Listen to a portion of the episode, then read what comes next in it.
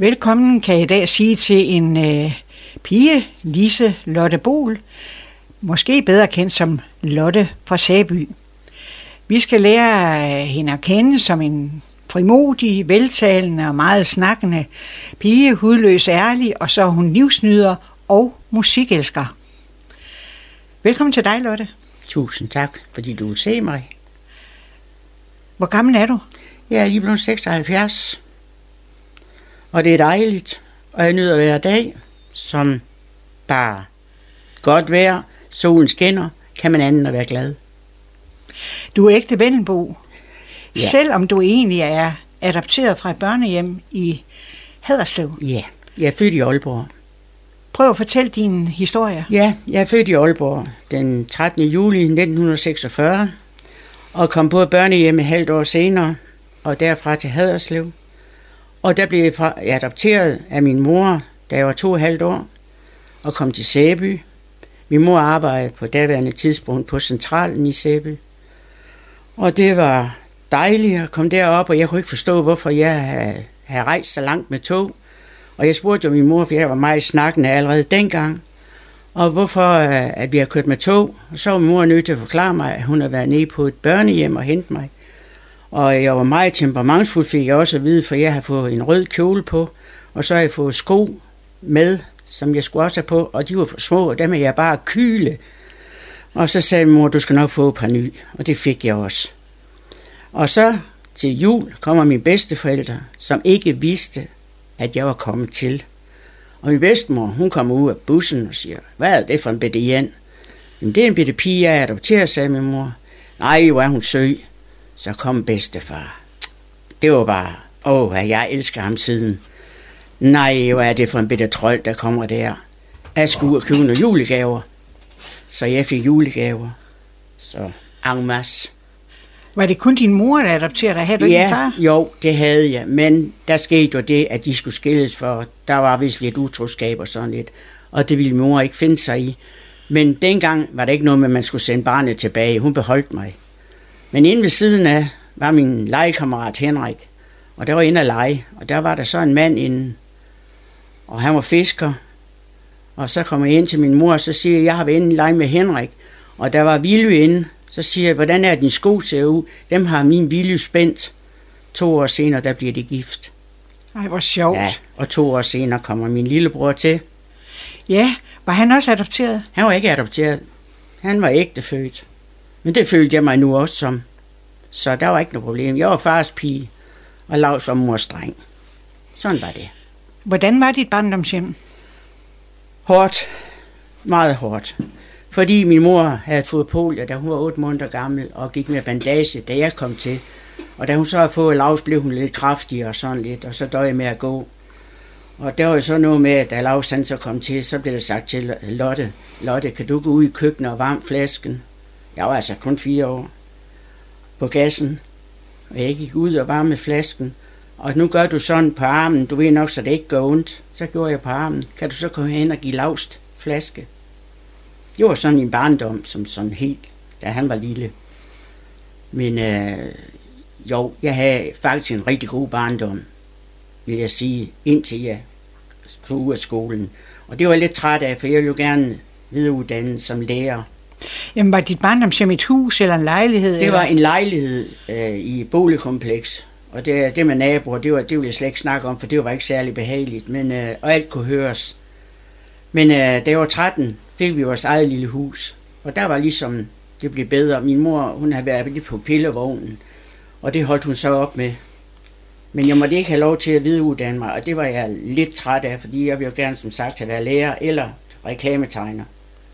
Men jeg tænker på, øh, øh, var det i Sæby? Øh, at- Det var i Sæby. Jeg har altid boet i Sæby, og der bliver jeg. Du sagde, at din mor arbejdede på øh, telefoncentralen. Ja. Det må have været under krigen. Det var det også. Der var også nogle sjove episoder, du har fortalt Der var mig. nogle slemme episoder, fordi uh, min mor, hun uh, kunne lidt tysk, og hun lyttede jo, det gjorde alle telefondamer dengang, de lyttede til, hvad der blev sagt. Og så blev der jo samtidig sagt, at nu blev det, fordi tyskerne snakkede jo sammen. Men min mor, hun ringede lige op på slottet og sagde, så kommer gæster. Så kan han nå at få dem med vejen, jøder og hvad det nu var deroppe. Og jeg ved også, at Albert Mus og Havnefoden, de sejlede jøderne over til Sverige. Og det var som sagt en tysker, der advarede med, om nu kom der altså besøg til, I skal lige passe på. Og så kom man og sagde, nu er det klar bane. Der var mange sjove episoder. Så Har du andre historier fra dengang? Ja, ja, da jeg sad og røg som to år, to og halvt år, jo, jeg sad og røg i vindueskarmen. Min mor skulle lige op på posthus, eller op på apoteket, der var en postkasse. Og der hun så efterladt et skod i askebæger. Og det, når man er nysgerrig i det tøs på to og halvt år, så tager man den, og så tog i munden, og så puster man ud af. Og så er der kommet en dame, så hun sagt til min mor, Mus, du skal skynde dig hjem, din datter, hun sidder og ryger i vindueskarmen. Men øh, jeg har så heller ikke røget siden. Men du havde en god barndom. Ja, det havde jeg faktisk indtil jeg fik Johnny som 18-årig. Da jeg fik et barn, det ødelagde min ungdom totalt. Det vender vi lige tilbage Ja. til. Øh, Du fik en lillebror, Ja, som var i to børn. Ja. Havde det nogen øh, indvirkning på dig som, som barn? nej, vi havde det godt. Jeg elsker min lillebror overalt. Jeg passer på ham. Jeg har samtidig også kommet i slåskamp for hans skyld. For jeg beskytter ham. Jeg var meget beskyttende, fordi min mor kunne jo ikke. Og altid sagde min mor altid, husk nu, han er dit ansvar. Og det var han. Det var da noget af et ansvar at lægge på sådan Ja. en lille pige. Ja, men det klarede vi jo udmærket. Så det gik godt. Hvad lavede du i Sæby som barn? Jamen, jeg er jo ikke avisjob og sådan noget. Det var ikke moderne dengang. Jeg passede min mor, vil jeg sige, sådan når den unge pige var gået hjem, så også skulle der lave mad om aftenen også. Jeg kunne lave mad, jeg var 12 år. Der kunne jeg lave mad ligesom en voksen. Det lærte min far og mig, for min mor kunne jo ikke. Og din far, er det den mand, hun giftede sig med Ja, det er det. Han var fisker efterfølgende? og sejlede på Nordsøen, og det var simpelthen forfærdeligt, når vi var to børn, små børn derhjemme. Og så gik der halv år imellem, vi så ham. Han gik i land, det var 12, og var med til at bygge banken i, øh, der var Ejens Bank Nord ligger, det var han med til at bygge i, i Sæby. Og den gamle skole bygger han også noget, men øh, bliver så ret ned nu. Og de blev så sammen. Ja, ja, det gjorde de. Min mor døde som 56-årig, og min far som 86-årig, så han havde mange år, hvor han skulle få tiden til at gå, og det var også svært. Jeg ved, du også var spejder. Ja, jeg har været baptistspejder. Indtil jeg var 14. Vi elskede at komme i baptistkirken, da vi var børn. Hele apotekervingen, vi var cirka 70 børn. Der gik vi i hvert fald de halv af den til spejder og til øh, søndagsskole. Det var hyggeligt. Kan du huske nogle ting derfra? Nej, jo, jeg kan huske en gang, vi var på uh, Storbededagsferie, hvor der var masser af mus i soveposen. Det kan jeg godt huske. og det var ikke behageligt. Og så generede jeg vist ham der, der spiller harmonika for os. Han kom hver aften og spillede for os, og så sagde jeg til ham, du spiller så godt, at jeg faldt i søvn. Og det blev han noget sur over. Det forstod jeg slet ikke, fordi jeg synes, det var dejligt, at man kunne falde i søvn. Hvad gav det dig som, som barn at være spejder? Jamen, det var den interesse, vi børn havde. Og ellers så legede vi jo på vejen. Vi var jo ude. Vi er jo ikke som i dag, hvor de sidder inde med deres computer. Vi er ude og lege rundbold, stikbold, alt muligt. Og der var mange børn, der var hjemme.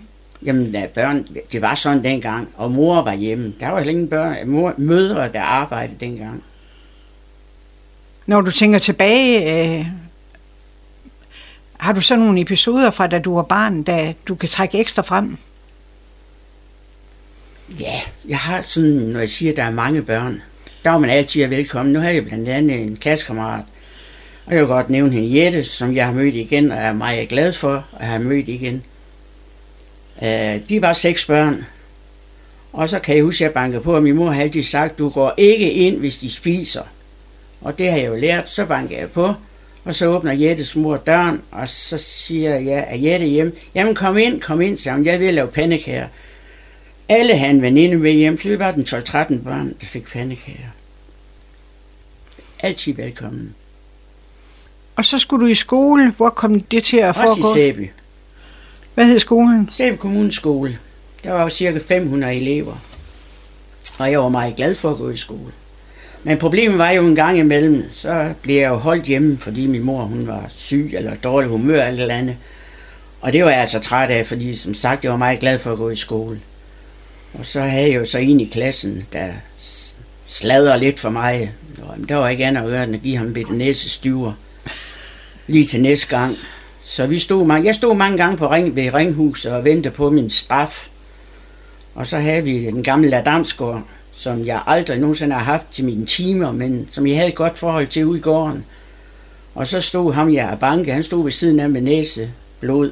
Og jeg stod der og godt irriteret og godt opkogt. Så sagde Ladamsgaard, Lotte, smut du nu bare ind. Hvad er der, han skete mig, men Det ved jeg altså ikke noget om.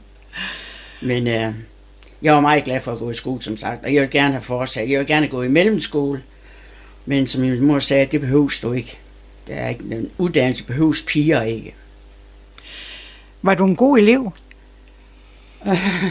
ja, det tror jeg faktisk godt, jeg var i nogle af timerne, og jeg har været strid i andre timer. Jeg har, de lærer, jeg virkelig holdt af, dem var jeg sød med. Men så havde jeg en lærer, han havde en forbandet idé med, at han knokker sådan nogen på hjernen her med sin knor, og det gjorde så ondt. Og ja, han har gjort mig et par gange. Og så en dag, så kom han, ja, jeg igen gjort et eller andet, jeg ikke måtte. Og så kom han hen til mig, og så skulle han sådan lige til at gøre det med knogen.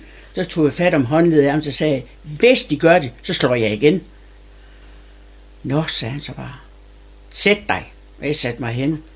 Der går der mange år, så er jeg ude til øh, en fødselsdag ude på Svalereden. Så kommer der en hen og spørger, vil du danse med mig?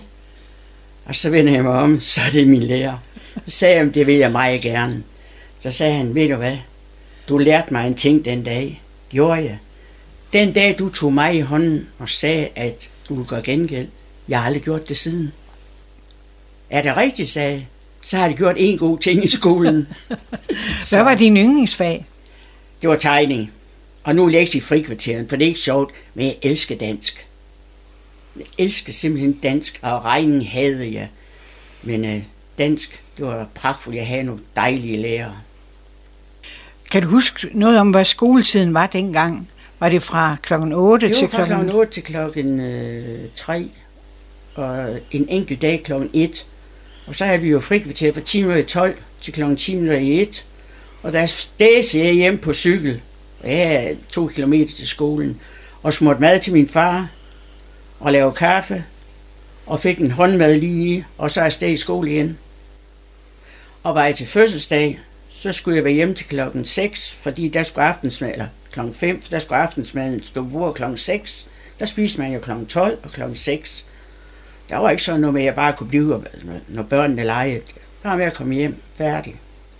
Så det var et hjem med struktur? Ja, det var meget struktur.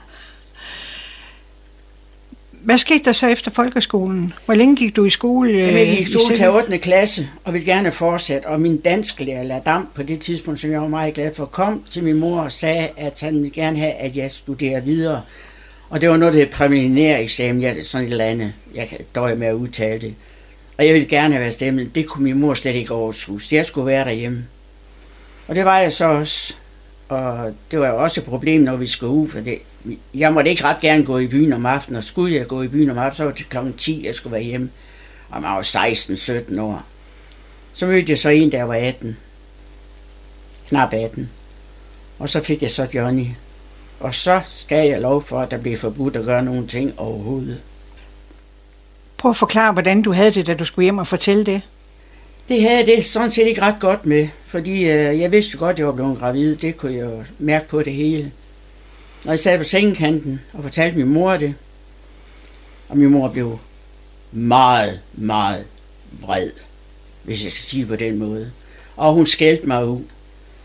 Så pludselig så rejste min far sig op i sengen. Det var lidt sent om aftenen der. Rejste han sig op i sengen, og han plejer aldrig at sige noget. Så sagde han pludselig, nu holder du din kæft, Kælling, jeg skal nok, så længe mine to hænder kan arbejde, så skal jeg nok forsørge min datter og, min, og mit barnebarn. Så sagde mor ingenting. For det overstået. Så han adopterede dig simpelthen? Jamen, jeg var adopteret. Det var jeg fra barnsbenet. Jamen, jeg tænkte, det var din mor. Nu kom... Ja, men far tog jo mig til sig, da Lars han skulle døbes, blev jeg jo fremstillet i kirken og adopteret.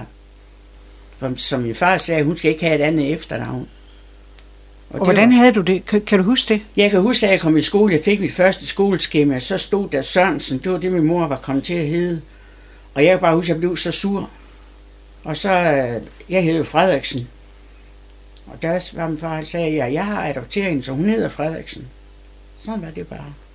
Og selve episoden med, at du blev øh, fremvist i kirken? Ja, det kan jeg bare huske lige så tydeligt, at øh, Lav skulle døbes, og bliver døbt Lavs Frederiksen. Og jeg står der i kirken og danser lidt kankang der. Jeg er fire år, jeg kan ikke stå stille. Og så min far, han klemte lidt i hånden. Så sagde jeg, hvorfor klemmer du så hårdt? Nå, så var lidt latter i kirken, og så, det var sådan. Men jeg var adopteret fra begyndelsen. Så, Så du følte dig simpelthen som ligestillet i ja, familien? jeg, jeg, har aldrig, jamen, jeg har aldrig mærket noget forskel. Det har jeg ikke. Så Hvad lavede du ellers som ung? hvad jeg lavede som ung? Jeg synes anden gøre rent. Det var i hvert fald meget af tiden. Vyringer, gøre rent, lave mad. Det synes jeg, mit liv det gik med indtil jeg var 18, og derefter 18, der, der var jeg så med Johnny, han skulle passes. Og pludselig så blev jeg bare så træt af det hele, at jeg søgte arbejde nede på fiskeindustrien, og fik arbejde dernede, og var dernede i tre år. Prøv at forklare lidt om, hvordan øh, sådan en hverdag kunne fungere med sådan en lille nyfødt.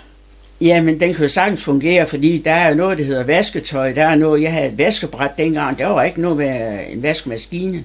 Jeg stod med vaskebræt og grukæde og hang tøjet ud og tog det ind og strøg det alt sammen. Og han var altid flot klædt på, og jeg kan huske en gang imellem, når jeg kom, jeg havde sådan fået sådan en rigtig flot vogn, fordi øh, en nabo ikke kunne lide vognen, og så ville hun have en anden, og så solgte hun den til os. Og jeg kan bare huske, når jeg kom gående med ham, så var der nogen, der kom, må vi lov at se ham? Jamen Gud, hvor er han der ren. Det blev noget sur over, så sagde jeg, skulle han ikke være det? Det var fordi, man var så ung, så troede de ikke, man kunne holde barn rent. Det var jo helt forfærdeligt. Passede du selv din dreng? Ja, det gjorde jeg. Som jeg siger, de første 3-4 måneder, der passede min mor, eller sad min mor i sengen og vaskede ham. Men han voksede jo fra hende. Så blev det jo mig, men altså, det var heller ikke noget problem. Han var en dejlig bitte knæk, det var han altså. Og jeg har ikke noget med faren at gøre overhovedet. Ham er jeg stoppet med, det allerede, da jeg var tre måneder henne. Og jeg synes, han, han var lidt for dum. Og drak lidt for meget, og det har jeg ikke lyst til. Og øh, så kørte vi jo selvfølgelig ture med ham og sådan noget, men der var også noget med, hvis jeg gerne vil til stranden, nu kører du ikke til stranden, han kan ikke tåle solen. Men det gjorde jeg nu alligevel. Det var lidt hårdt, men så begyndte jeg så at arbejde, og det synes jeg så hjalp lidt på stemningen derhjemme. Hvem passede så øh, Johnny? Der havde jeg fået en dagpleje til at gøre det. Men øh, jeg betalte alt. Jeg betalte dagplejen, jeg betalte tøj til ham, jeg betalte alt. Hvis du fik nogle penge til ham, børnetilskud og forskellige ting, det skulle bare sætte ind på en bankbog, for dem skulle han jo have, når han blev konfirmeret. Nå, jamen, det var så i orden. Så dengang jeg var på fiskeindustrien i tre år, jeg synes jeg godt nok bare, at det hele, det var bare ved at, jeg var bare ved at kollapse. Så jeg var på kommunekontoret og snakkede med en meget dejlig dame deroppe, der hedder fru Møller Jensen. Og så sagde jeg til hende, jeg trængte sådan til at komme væk. Jamen ved du hvad, sagde hun, jeg kommer op og snakker med dig og din mor. Og hun kom dagen efter, og vi snakker om det. Og så siger hun, jeg synes Lotte, hun skal på højskole. Og så siger min mor, ah, det var, hvem skal så passe barnet? Jamen det sørger kommunen for, det skal vi nok sørge for. Jamen hvad så? Jamen der er jo også en ungdomsskole ude i, øh, hvad hedder det, ude i Stisholdt. Ej nej, sagde hun så. Hun skal længere væk. Hun skal til grænsen.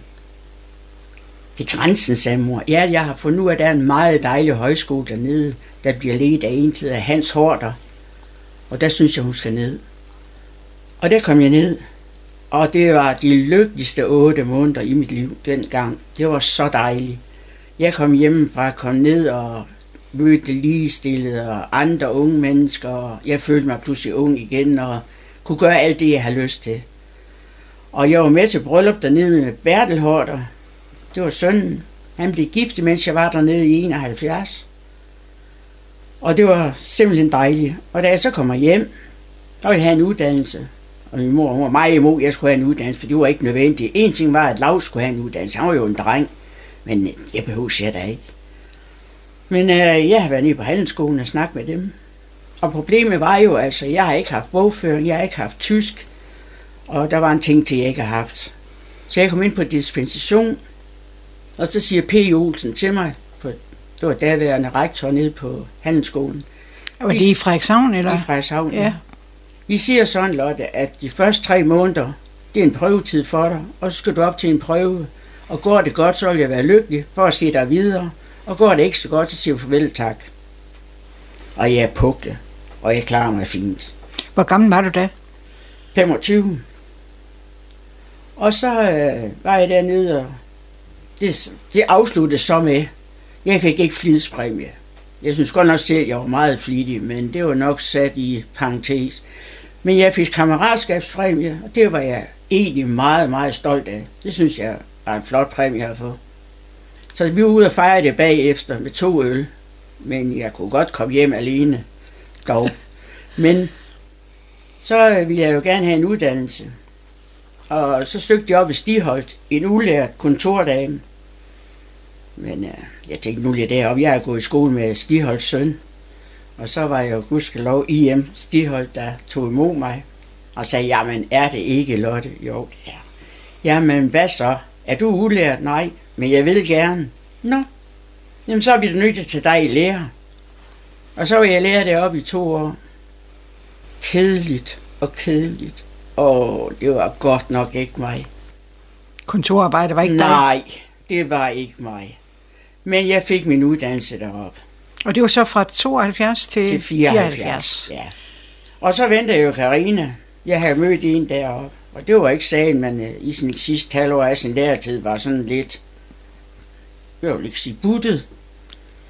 Og hun er så født den 4. november, 5. november, må, nu skal jeg lige huske hendes fødselsdag, det er 5. november, 74. Og så flyttede jeg jo i, i lejlighed med min eksmand og købte hus senere. Og det var ikke så godt. Men jeg opdagede ikke rigtig, hvor dårligt egentlig det var før. For min mor var meget alvorlig syg på det tidspunkt, og jeg var op og passe hende det halve tiden, og med et spædbarn, det var meget, meget svært. Og da hun døde, der opdagede jeg godt nok, at jeg lavede min, mit liv spummert. Vi havde en mand, der drak for meget. Og da jeg var alle mine venner væk, og han er nok i mig, og jeg behøvede ikke se andre, og det var sådan, det var. Hvad lavede din mand? Han var tankpasser op i Stiholdt. Så det var jo også fint, når nordmændene de kom. Det var jo fristende. Det var meget fristende. Og han var jo så deroppe i, i årene efter. Hvor langt et øh, spil er det mellem dine to børn? Der er ni år. Så Så Johnny var ni år, da du fik... ja, men de har altid kommet godt af, ud af med hinanden, de to. Han har været utrolig glad for sin lille søster. Ja. Tog hende med til stranden og var sød over for hende. Der, der har godt nok aldrig været problemer. Så kom jeg i civilforsvar, for jeg skulle hjemmefra en gang imellem. Det der med at have bestemme over min fritid, det, det ville jeg ikke have. Så i 79 kom jeg i civilforsvar og var der i, øh, tror jeg, i 15 år. Prøv at fortælle lidt om, hvad civilforsvaret er. Jamen, Civilforsvar er jo øh, en, en frivillig organisation, der hjælper i nødstilfælde. Du ser også, når der er olieudslip og forskellige brand, og når der er forskellige ting, så står Civilforsvar frem. Det var dejlige tider, vi tog til undervisning. Jeg var i radioen, eller ved radioen, og vi havde så tre øh, forskellige ting, øh, radio og redning, og der var en ting mere som jeg ikke lige ved. Og så tog de jo til stævner, og vores øh, redningsfolk, de øh, vandt flere gange i træk de forskellige steder. Radioen, det, det var ikke noget. Det, det var vi ikke gode nok til. Hvordan kom man med i, i øh, civilforsvaret? Jamen, du melder dig. Du melder dig til det, og vil gerne med. Og så er der de der aftener, hvor vi er sammen 10-15 stykker. Det var så hyggeligt.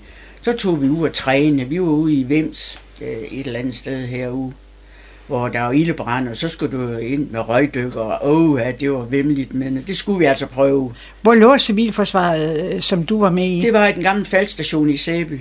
Der, hvor der er, øh, hvad der er deroppe, der er forretninger deroppe nu, men der var jo falk i gamle dage, og så havde vi også øh, en fløj med civilforsvarets vogne, biler.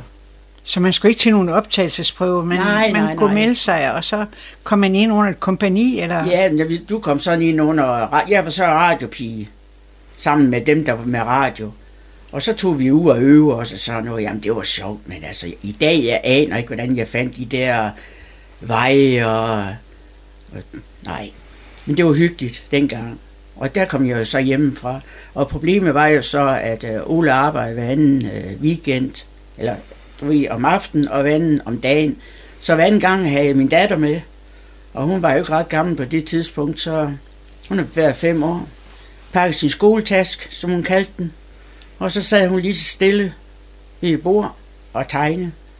Og så siger vores civilforsvarsleder, så siger han, Nok, Arina, nu må du godt have lov at snakke. Min mor har sagt, at jeg skal holde min mund.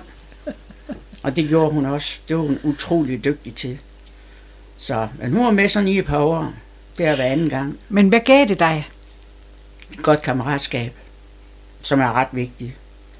Og stadigvæk øh, civilforsvarslederen, nu har jeg kendt ham så mange år, han desværre lige død, har jeg haft et fantastisk godt kammeratskab med i alle de år, venskab med i alle de år. Og det er altså 40 år. Så det var lidt hårdt at miste ham her for 14 dage siden. Så fik du arbejdet ved radiomontøren. Ja, men allerførst øh, havde jeg sådan en tid, hvor jeg sådan gik lidt og ikke rigtig havde noget. Og så gik jeg ned øh, på skolen og tog i en 10. klasse. Fordi der var nogle ting, jeg gerne ville lære. Øh, blandt andet med, med, med matematik og sådan noget. Og det gik jeg så et halvt år, og på vej hjem i bussen. Og så er det en siger til mig, har du hørt, de søger øh, en pladedame nede ved radiomontøren i Sæby? En pladedame? Hvor siger det til mig? Jamen, det er lige noget for dig. Nej, sagde plader, jeg aner ikke en, del. en disse om gramofonplader. Nej, men det kan du da lære. Og altså søgte jeg. Vi var 35, der søgte. Unge piger, der skulle stå bag i pladebaren. Jeg var nok den ældste af den, vi var 35 på det tidspunkt. Og jeg fik så jobbet ved Torvald. Og det var en fantastisk arbejde. Prøv at fortælle lidt om, om hvad radiomontøren var. For den eksisterer jo ikke mere. Nej, desværre. Øh, radiomontøren, det var en radioforretning, som jeg siger, og en pladeafdeling. Og det var et socialkontor. Det var en snakkebar. Det var en, hvor folk kom ind med problemer. Det var en, hvor folk kom ind, når de havde det godt, købte plader og stereoanlæg og alt muligt. Det var der børn fra syvårsalderen kom og sagde, hvad koster at høre en plade? Så det koster ingenting. Må jeg have lov at høre en? Ja, det må I. I bare kom ind, sagde og hør lige tit, jeg har lyst til. Men når der kommer kunder, så går I. Det var en aftale. Og børn, de kom. Børn, der er med problemer. Børn, der ikke har problemer. Børn, der har problemer hjemmefra. Jeg har hørt det hele. Hvor mange ansatte var I? var syv. Seks mandfolk og en kvinde. Og kvinden, det var mig. Og sikke en kvinde. Nej, det var et pragtfuldt arbejde. Jeg elsker det. Og når jeg den dag i dag møder stadigvæk mennesker, der siger, nej, hvor var det dejligt at komme ind til dig. Du, du har altid tid. Jeg havde en, der sagde til mig, at jeg ville ønske, at der var sådan et sted, mine børn kunne gå hen. De sidder kun med deres computer. Jeg vil gerne have, at de kunne gå ned og snakke med en i en forretning, som vi kunne med dig. Så jeg har fået så mange gode tilbagemeldinger på det der.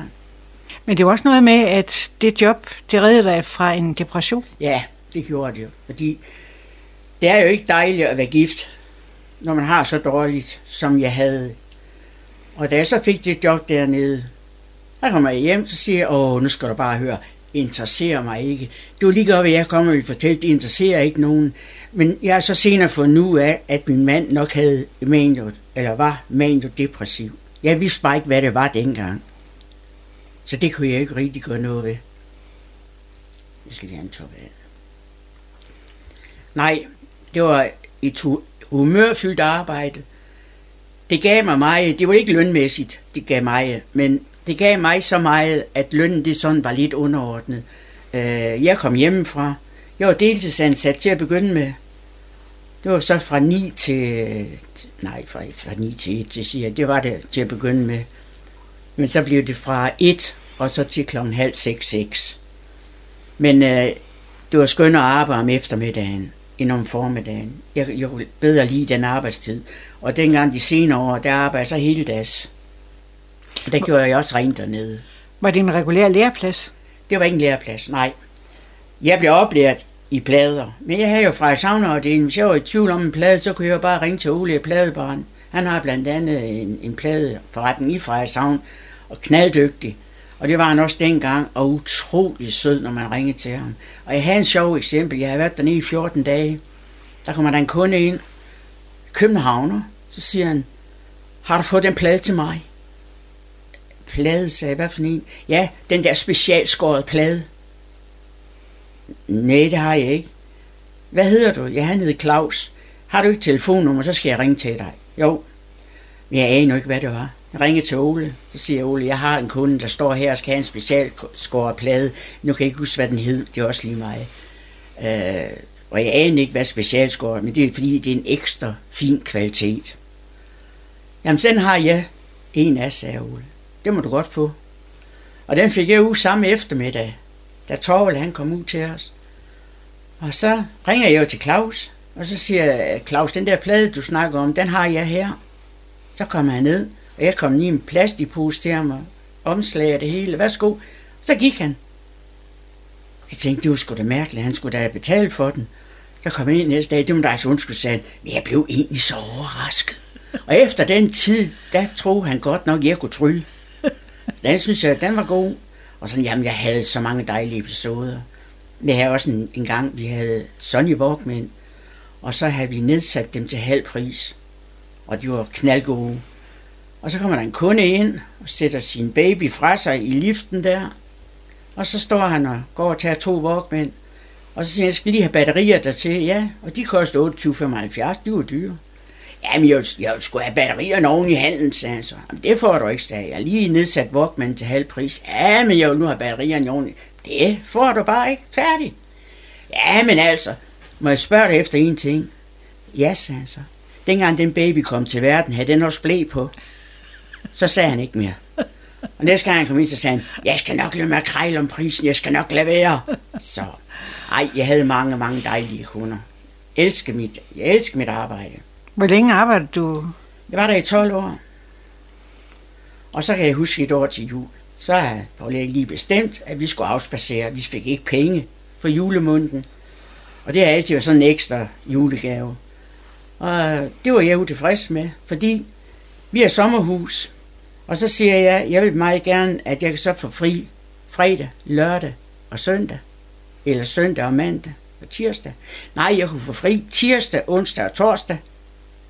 Ikke de andre dage. Så sagde han, så, så vil jeg ikke. Det vil simpelthen ikke arbejde på den måde. Ja, men det bliver nu, som jeg vil have det. Så sagde jeg, det er jeg ikke sikker på, at det gør, sagde jeg. Jeg tager til Frederikshavn. Tog ned ligesom til min gode ven Torvald, og hver gang jeg kom med to kaffekopper, en i hver hånd, så vidste han godt, der var et problem.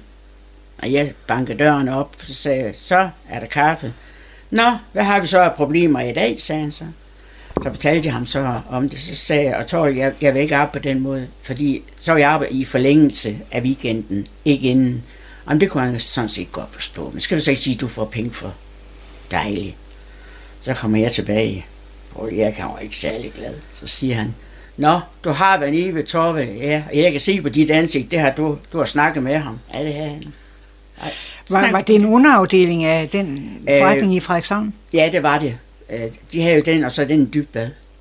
Og Paul Erik var i familie til Torve på den måde, at Paul Eriks søster var Paul Eriks mor. Så de var jo nevø. Men ja, dejlige arbejdsforhold. Simpelthen. Jeg sagde min mening, og det, det var i orden. Det blev respekteret. Og som jeg siger, vi har ikke det store fnider og fnader. Det, det, er ikke, det er ikke mig. Var det, mens du var ved radiomontøren, du fik din store interesse for musik? Ja, det er klart. Det kunne ikke undgås. Ej, jeg havde så allerede interesseret mig af Johnny Cash og Waylon Jennings og de forskellige der store navne, Bobby Bear, Don Williams, Kenny Rogers. Jeg kendte dem jo godt. Men jeg satte mig jo meget mere ind i det på den måde, og skulle tænke på alle de der koncerter, jeg var til. I Silkeborg, 25 år på nær en, var jeg hver eneste år. Så det var kontomusikken, du interesserede dig mest for? Mest, ja. Jeg var meget, meget glad for kontomusikken. Det må jeg indrømme. De kunder, du havde, var de også interesseret i kontomusik? Det blev de der med det snakkehue, som jeg var. Jeg kunne jo simpelthen sætte sand til Sahara, det har jeg hørt mange gange. Jeg havde jo folk, der kom ind og skulle have noget godt musik. Så fandt jeg nogle plader. Jamen gud, spiller de så godt? Ja, så var det solgt. Ja. Og det var dengang, man sad på en barstol med høretelefoner og kunne selv vælge, hvorfor en plade man ja, gerne vil høre. du kan tro. Ja, Og det var der mange, der benyttede sig du af. kan tro, det var. Men ja, Ole har jo så også brugt mig med country, for det har han ikke så meget forstand på dengang. Der var også nogle gange, når der var et eller andet, så ringede han til mig og skulle lige høre. Så du fik simpelthen ekstra viden ved at tage til koncertfestivaler. Ja, det gjorde jeg, fordi jeg lærte jo, jamen, jeg så jo alt og alle, ikke også? Jeg var til så mange koncerter. Og min mand, senere mand, Ib, der, han var jo med på den værste med, når vi tog rundt. Vi har været i Sverige, vi har været i Norge, vi har været i Tyskland. Vi har oven i købet fuld Ben Stenniger, du ved min yndling. Nede i Holland, vi har været nede i Fragen, der, hvor han var. Og spillet og i gaderne, og vi har været overalt. Hvad har været den bedste koncert, du har været til? Jeg tror nok, den mest rørende koncert, vil jeg sige, det var, da Ben Stenniger kom til Danmark første gang. Ja, det var min skyld, han var kommet til Danmark. Der blev jeg virkelig glad. Og det var nede i Varmdrup. Og så kom han til øh, Silkeborg bagefter. Det var jeg glad for. Det var en af de, de, de sjoveste. Men Don Williams har nok været en af de øh, bedre, da vi var nede at se ham. I- Købte du selv mange LP-plader dengang? Du fik jo mange forærende også. Jeg fik jo tilsendt fra USA. Ja, jeg købte mange plader. Jeg tror, at jeg har omkring 600 plader. Og dem har du stadigvæk. Ja, dem skal jeg ikke af med. Men nu har jeg fået sådan en højtaler, og så på min telefon, nu kan jeg ind og høre alle dem, jeg gerne vil høre. Men, Så men ikke på LP. nej, det er ikke det samme. Det skal være på LP. Og det er jo også ved at komme frem igen jo. Hvad er det, der er årsagen til, at dit hjerte banker for kontomusikken? Prøv at høre mig til Robbins, når jeg fortæller en historie. Hvem kan fortælle en historie på den måde, som blandt andet Marty Robbins?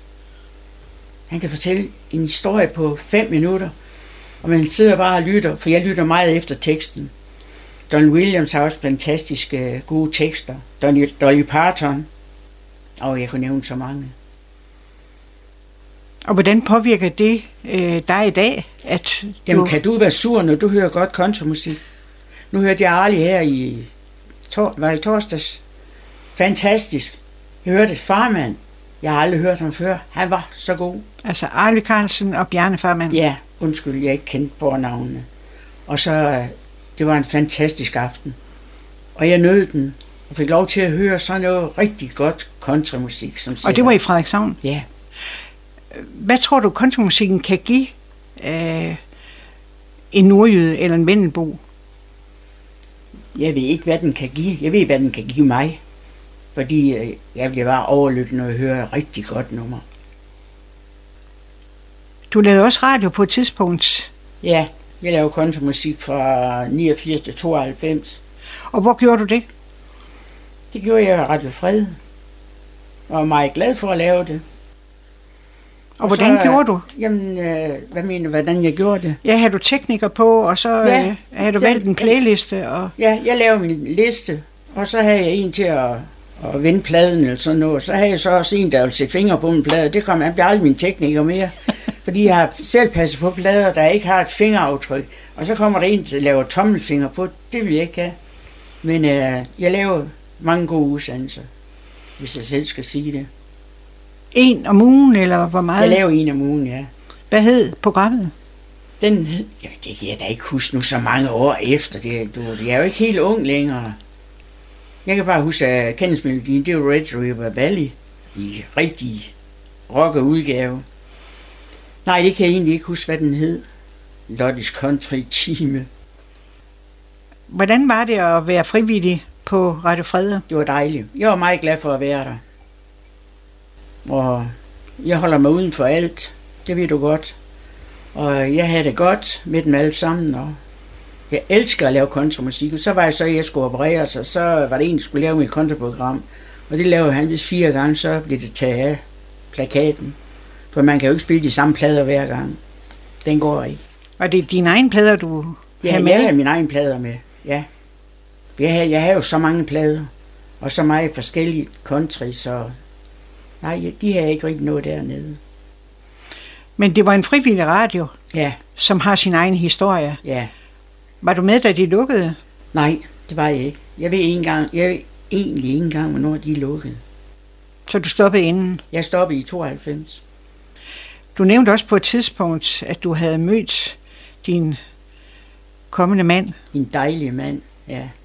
Hvornår var det? Jamen, øh, det var jo et lille problem. Jeg har hele tiden sagt til min eksmand, at når Karina skulle konfirmeres, så blev vi skilt, og så fandt jeg en lejlighed. Og det gjorde jeg den 8. april, og den 8. maj blev min datter konfirmeret. Men til nytår, der har jeg jo lige truffet en mand, der var inde som støjekspert ved radiomontøren for at skulle finde noget, der gik i fjernsynet. Og så snakkede jeg jo med ham, og så det var bare et eller andet, der klikke. Det kan man ikke forklare.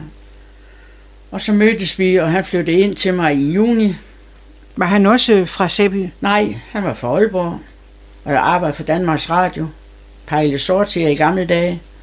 Og så var støjekspert, det vil sige, at hvis der var noget støj på fjernsynet, som radioforhandleren ikke kunne finde ud af, så tilkaldte de så min mand, Ip. Og så mødtes vi der, og så kørte det bare. Og så fik man 35 lykkelige år. Hvad kan man forlange mere af livet?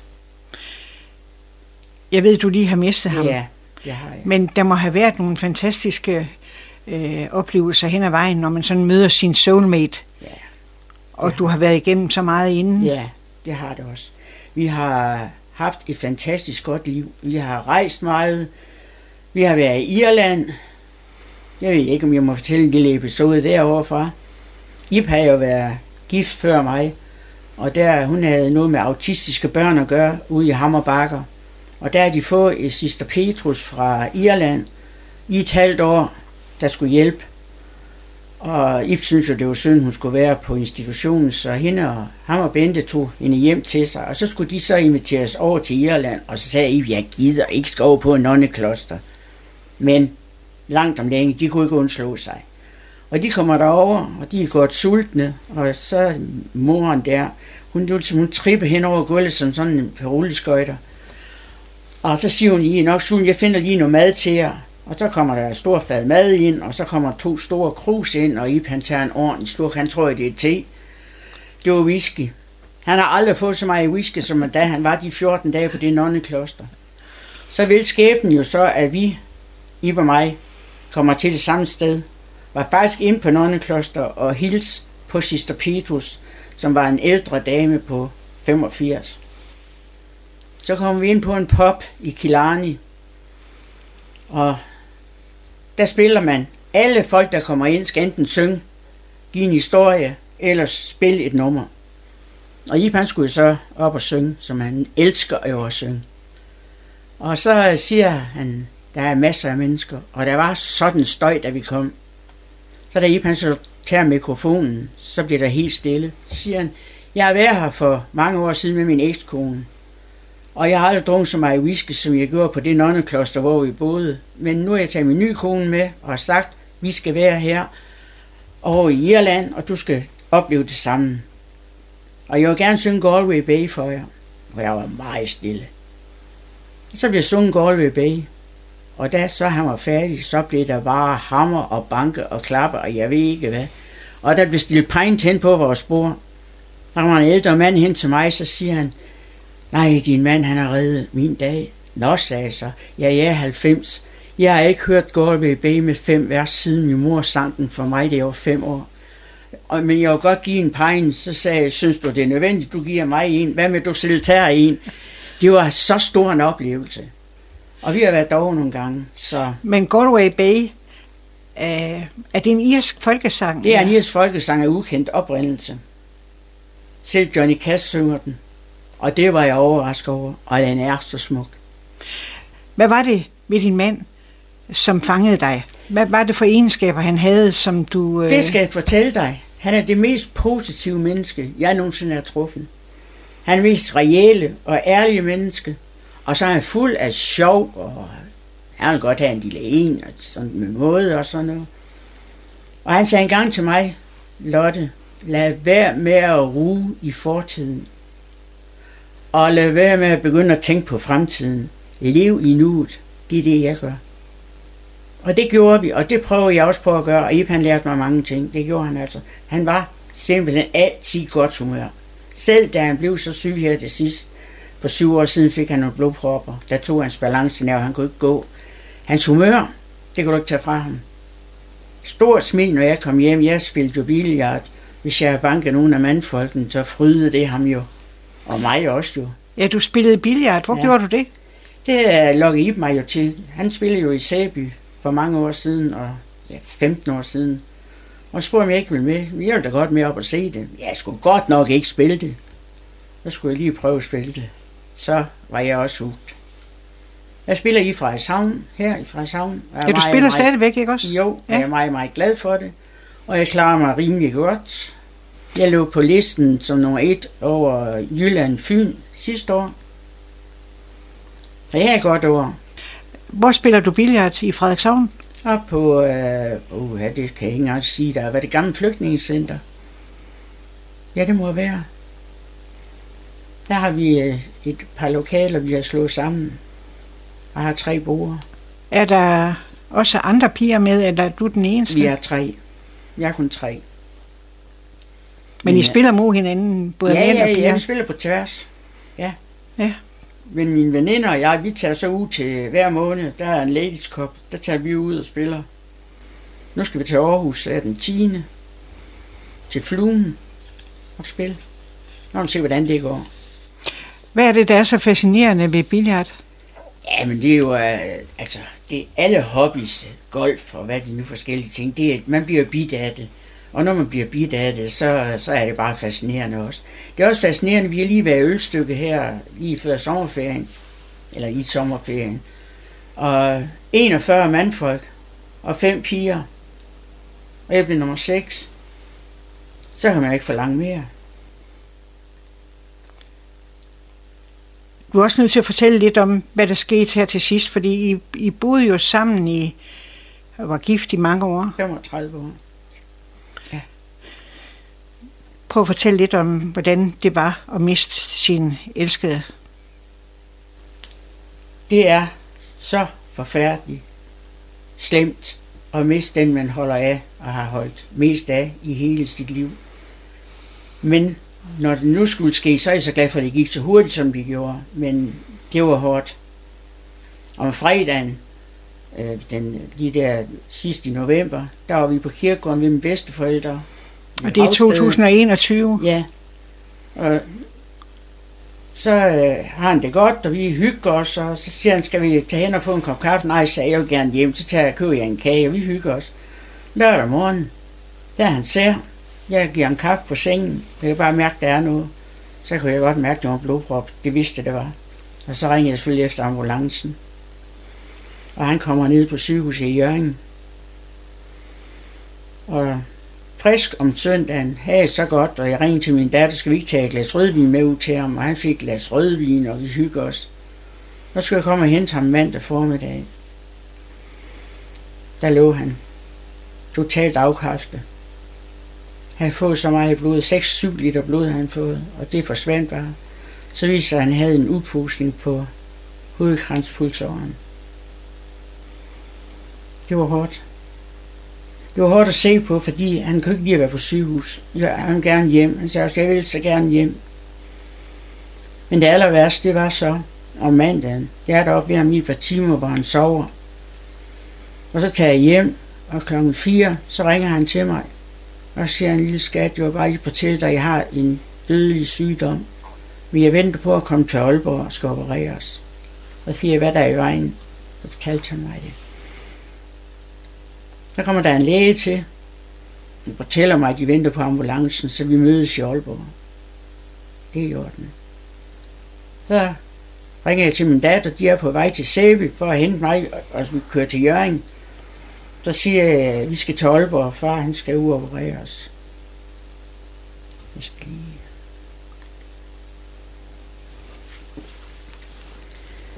Så siger hun, jamen du kommer ikke til at køre alligevel, mor. Så kører vi til Aalborg. Så ringer de lige i det, vi skal til at køre fra sygehuset. Det er den unge læge igen. Og så siger han, ja, vi skal ikke mødes i Aalborg. Ib kommer ikke til Aalborg. De opererer ikke sådan en mand i hans alder. Så I skal komme til Jørgen. Og så kom vi til Jørgen.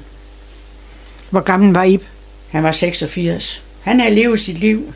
Det ved jeg også godt. Men øh, derfor var det jo hårdt alligevel at miste når man var sammen så mange år. Men så kom vi så til Jørgen. Og så snakkede vi så med en kvindelig læge. Og det, så er det også okay. Og så kommer vi ind, og jeg holder Ib i hånden, og jeg ved, Ib han er der. Så vil den læge ind og fortælle Ib, at han ikke skal opereres. Det synes jeg ikke, hun skulle. Så, men det gjorde hun så heller ikke for. Det, det var hans sidste håb. Ja, det var så. Men øh, hun gik så også. Og så går jeg hen og tager Ib i hånden, og jeg kan så få sådan en lille bitte klem. Så går der tre kvarter, så er han død.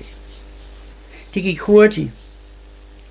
Og så spurgte hun den søde sygeplejerske om, om han skulle, hvad tøj han skulle have på og alt sådan noget ting. Så sagde jeg, ved du hvad, jeg vil gerne have, at min mand skal begraves i det tøj, som jeg kender ham i. Og det er hans terner og skjort og en signalgrå trøje, som han var så glad for. Og sine bukser og seler. Og sine strømper og futsko. Det var sådan, det skulle være. Og hvordan reagerede du så efterfølgende? Ja, jeg havde det dårligt. Altså, selvfølgelig havde det dårligt, men uh, jeg, jeg vil sige, at jeg, jeg var lykkelig over, at det gik så hurtigt. Fordi glæden ved, at han har overlevet, den har været meget lille. Fordi det var slet ikke Ib at ligge på et sygehus. De var så søde, det var ikke noget med det at gøre, men I han være hjemme med mig. Så, og så havde vi jo så lille problem med det der med, om man skal brændes eller man skal begraves. Det havde det meget, meget dårligt med. Jeg kunne slet ikke snakke om det. Så han sagt til Karina 14 dage før han døde, det var til hendes fødselsdag. Så sagde han til hende, jeg elsker din mor så højt, at hun må have lov at bestemme, om jeg skal brændes eller begraves. Og det fortalte Karina mig. Så sagde jeg, fars ønske er at blive brændt. Og jeg holdt en flot og enkel bisættelse for ham, hvor jeg fik øh, Preben, Preben kan jeg sige, Frank øh, Heislet til at spille øh, Time to Say Goodbye. Og det var så smukt. Og så har jeg fået en ung mand til at synge Galway Bay. Og det var dyr. Den kostede 5.000. Men det var alle pengene værd. Var det i Sæbekirken? Ja. Og så har han fået en med med et orgel. Det var så smukt, så... Men der var en, der optagede til mig, så det var jeg glad for. Og der var ikke noget kaffe bagefter, fordi jeg har aldrig selv brugt mig om at gå med til kaffe bagefter. Jeg synes, det er sådan noget mærkelig stemning, der er. Så ville jeg hellere ofre det på det andet. Og det var enkelt, og der blev så sluttet begraven. Og han har fået et meget smukt lille sted. Og så har jeg sådan et sødt eksempel. Jeg har lige haft norske gæster i en uge. Og der har Vitter, som hedder til Yves fødselsdag sidste år, da han blev 86, ja, 85, der har han øh, sagt til, jeg har fået en flaske whisky fra Skotland, da jeg var derovre. Og den er dyr, men den skal åbnes, når du kommer til Norge. Det glæder jeg mig til, sagde Ip. Men så dør Ip jo så, og de kommer jo så. Og så siger Vida, jeg vil gerne ud på kirkegården og se, hvor Ip han ligger henne. Men det er i orden. Og vi gik derud. Og jeg så godt, at han havde en pose med, men jeg tænkte ikke over det. Så har han taget whiskyen med, og så har han taget fem krus med. Så fik vi hver et krus, og så tog han to, og så sagde han, helt han det ud over gravsiden, så sagde han, skål Ib. Og det rørte mig faktisk meget dybt. Jeg synes, det var så sød en gestus. Kommer næste år, sagde han, så du beholder whiskyen, og så gør vi det samme. Det var sådan en sød en. Så. Det er snart et år siden. Eller ja, det kan hurtigt blive. Det ja. var 29. november. Det, tiden er altså godt nok løven. Men jeg har været så heldig med mine genboer, mine naboer, billiard, min veninde. Ja, for man har brug for noget støtte Du har brug bagefter. for at snakke, du har brug for at være der. Min veninde, hun trak mig med rundt selv da 14 dage efter Ib var død. Jeg kunne hverken spille eller være, men jeg var med. Og det betyder meget, at man har nogen at... Jeg ved, der er I, I rejst rigtig meget. Ja, det gør vi. Er det så helt gået i stå? Jeg tror nok, jeg har taget det op igen, for jeg har altså været i Norge, og jeg har haft norske gæster, og jeg har været i Dresden. Jeg er lige kommet hjem her i sidste uge. Og jeg ved ikke, om jeg på Bornholm. Jeg ved ikke, om jeg kan nå det. Og så har jeg fået en invitation til USA, men det bliver altså først til næste år. Hvad driver dig? De positive livssyn? Ved du hvad? Jeg lever det liv, I vil have levet sammen med mig, da han kunne. Og jeg ved, at han sidder på sin lille sky deroppe og fryder sig over, at jeg har det godt. For jeg har fået det godt. Jeg kan grine igen, og jeg kan pjat, og jeg kan snakke om mit uden at græde. Du bor stadigvæk i Sæby? Ja, og bor i samme hus, som vi har boet i 35 år. Hvad med dine børn? Bor de også i Vendsyssel? Øh, Karine bor i Klarup, og Johnny bor i Sæby. Hvornår gik du på pension? Det gik jo da... Det, er længe siden, det kan jeg da ikke huske. Du ved, der er nogle ting, man ikke skal spørge om. Jeg har jo nyt mit liv, så længe jeg kan huske det. I hvert fald i de sidste mange, mange år. Det må jeg sige. Hvis du skulle fremhæve de mest øh, positive sider ved dig, hvad skulle det så være? Hvad er det for nogle egenskaber, du selv øh, skynder mest på? Det tror jeg nok, det er mit gode humør. Jeg tror nok, at jeg er udadvendt. Og jeg tror også nok, at selvom jeg siger min mening, hvad det indebærer, har det også været godt for mig. Og der er også en gang imellem, man må godt holde sin kæft en gang imellem, hvis ikke med absolut skal sige sin mening. Jeg har også ladet mig fortælle, at du er rigtig glad for sko. Det kan ikke passe. Jo, jeg gav godt nok mange vægt, og dengang jeg var ved radiomontøren, der var jeg godt nok skuffetisk. Det kan jeg godt sige, det var Markus, hun kunne næsten ikke være med. Jeg gav 60 par sko i et år til Blå Kors. Da jeg kom der lige der, de solgte de halv. Hvad er det ved sko? Hvad er det ved sko, du, der fanger dig sådan? Jamen, det var jo fordi, man tror man så godt ud, når man i en høj hæl, ikke? Jeg har også været en fordel at have en høj hæl. Jeg havde en kunde engang, der sådan stod og klappede mig i røven, undskyld, ud, bagdelen. Og det var jeg lidt træt af, jeg ham på den anden side. Så havde man højhæle sko på med stålhæl på, og han havde træsko på. Så kan man sådan ramme lige deroppe over der, og så lige bare trække til. Jeg har ham aldrig på den anden side af disken mere. Me too. Jeg har ikke noget at bruge til. Lotte, du har boet i Sæby efterhånden i Ja. hele dit liv. Ja, Hvad er det ved Sæby, som gør, at du stadigvæk bor der? skønheden, hyggen i gågaden, menneskene. Ja, så mange dejlige mennesker i Sæby. Det lærte jeg jo at kende, da jeg var ved radiomontøren. Man fik jo snakket med de fleste mennesker dengang. Jeg synes, Sæby er helt... Den er unik. Du finder ikke noget, en havn, der er flottere end Sæby. Nu er den blevet udvidet. Den er blevet endnu smukkere. Gågaden om sommeren. Alle nordmændene, der kommer. Jo, jeg er meget glad for Sæby. Jeg kunne ikke tænke mig at flytte derfra. Har du mange venner? Nej, jeg har en håndfuld. Og jeg har ikke brug for flere. Det er gode venner. Man har mange bekendte, men det er noget andet. Der er mange, jeg snakker godt med, og jeg har det rart med og hyggeligt med.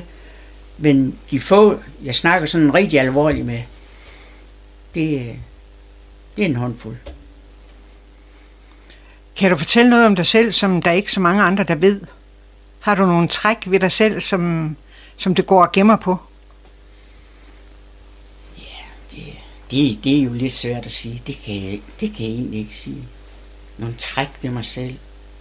Jo, jeg har sådan, når jeg skal i byen, så skifter jeg tøj 10 gange. Det tror jeg ikke, der er nogen, der ved om mig. Så, og jeg kan aldrig blive tilfreds. Så er det det galt, så er det det galt, så er bagdelen for stor, eller også så er brystværende for stor. Der er altid et eller andet. Så finder man noget, og nå, nu ser du rimelig godt ud. Nå, så går man. Hvilken dag har været den allerbedste i dit liv? Da jeg blev gift med Iber, da jeg fik min datter. Du har rigtig mange ting i din rygsæk, både lette og tunge ting. Var der noget bagudrettet, som du måske kunne have gjort anderledes? Det vil der jo altid være. Hvis man kan gøre ting om, så er der nogle ting, som jeg ikke ville have gjort. Der er også nogle ting, som jeg så ville have gjort. Men jeg er den person, på grund af det, jeg har oplevet, på godt og ondt. Og den person, som jeg er i dag, vil jeg faktisk ikke bytte væk. Jeg vil ikke bytte med en- et andet menneske, og der skal komme en, der ser skide godt ud og siger sådan noget, nej, jeg ville gerne være hende. Sådan har jeg det ikke. Jeg vil sige, nej, det jeg har oplevet, det jeg har været igennem, jeg mistede min bror, da han var 44, det var forfærdeligt.